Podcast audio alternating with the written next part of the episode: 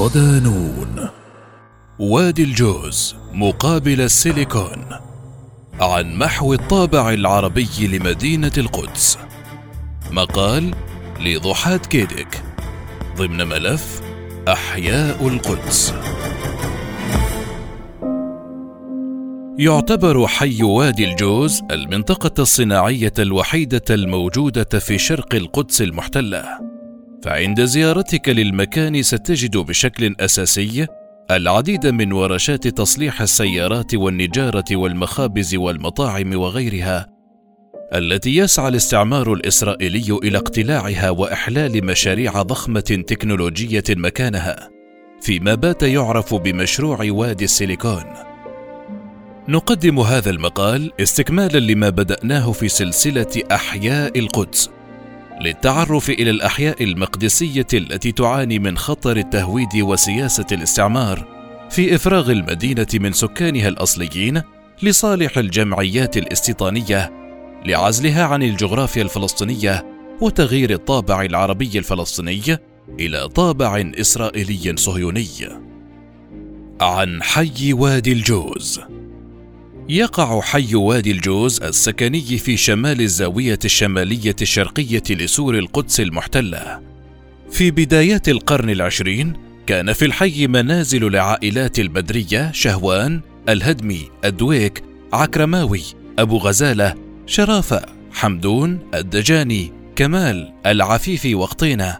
وكانت المنازل في الحي أكثر بساطة من التي في المناطق الأكثر ثراء في المدينة الجديدة. وسمي الحي بوادي الجوز لنمو أشجار الجوز فيه.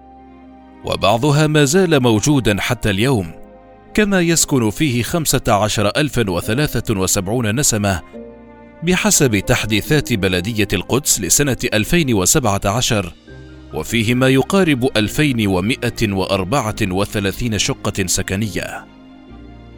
المخططات التهويدية يواجه الحي مجموعة من التحديات.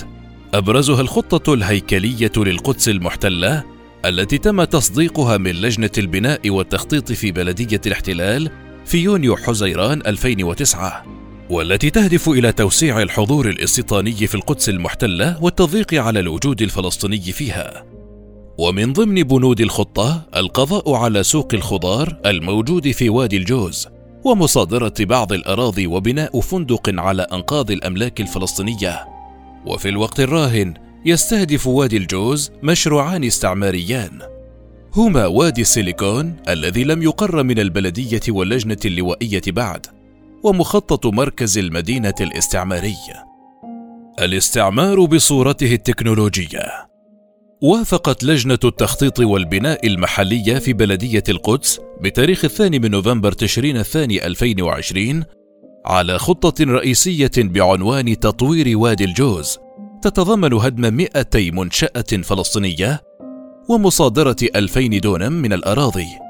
وكجزء من البرنامج سيتم نقل المستأجرين وأصحاب المحلات إلى مناطق أخرى مثل العيسوية وأم طوبة وتلك المناطق لا تضم مناطق صناعية ولا ورشات لتصليح السيارات مثل وادي الجوز. وهناك من يقول إن النقل سيتم للمناطق الصناعية الإسرائيلية في عطروت ومشير أدوميم. وتستهدف الخطة تحويل المنطقة إلى منطقة صناعية وسياحية وتجارية ومناطق تكنولوجية متقدمة. اشتمل المخطط أيضا على تطوير طرق المواصلات مع التركيز على الدراجات الهوائية وممرات المشاة. وقد يمتد القطار الخفيف الترام إلى المنطقة مع إقامة حديقة في المكان. وأشارت وسائل إعلام متعددة أن المشروع الاستعماري يستهدف مساحات واسعة من وادي الجوز ويهدف إلى بناء أبراج تجارية وفندقية بارتفاع 16 طابقا. إذ يهدف هذا المشروع بالأساس إلى إزالة ومحو المعالم العربية الفلسطينية وتحويلها إلى إسرائيلية. لماذا حي وادي الجوز؟ اختارت سلطات الاحتلال التخطيط للمشروع الاستيطاني التهويدي في حي وادي الجوز بسبب قربه من مراكز الجامعة العبرية ومن محطة مستقبلية لخط القطار الخفيف. ويرتبط بمبان استيطانية وحكومية أخرى في المنطقة مثل منطقة الوزارات الإسرائيلية ومستوطنة الشيخ جراح المقامة على أرض قصر المفتي.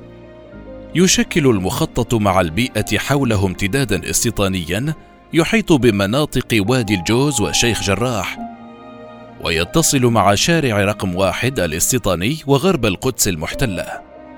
الهدف من وراء هذا المشروع دمج المقدسيين بالمجتمع والاقتصاد الإسرائيلي.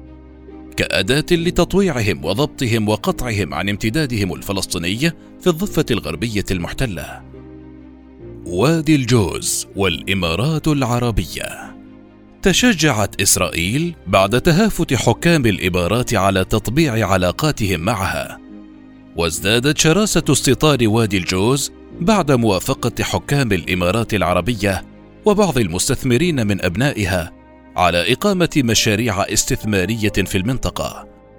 وكانت نائبة رئيس بلدية الاحتلال في القدس المحتلة فلور حسن ناحوم قد صرحت في وقت سابق بقيام تعاون واستثمار إماراتي إسرائيلي مشتركين في هذه المنطقة بعد أن التقت في الإمارات بمستثمرين ورجال أعمال هناك رحبوا بالمشروع وأبدوا استعدادا للمشاركة فيه.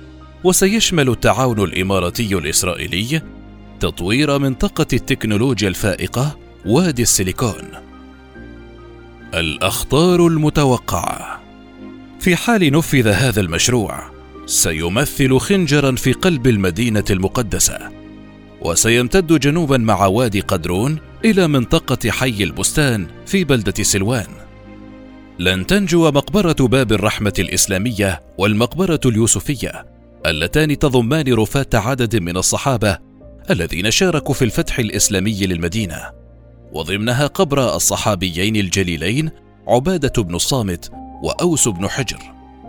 تعتبر منطقة وادي الجوز المتنفس الأخير لمواطن القدس القديمة ويشمل المخطط الحالي الاستيلاء على أكثر من ثلاثين دونما تقوم عليها ورشات تصليح السيارات التي يخطط لنقلها إلى امتداد وادي قدرون وادي النار في المنطقة الفاصلة بين شطري السواحر الغربية والشرقية الذي تمر فيه مجاري القدس المحتلة.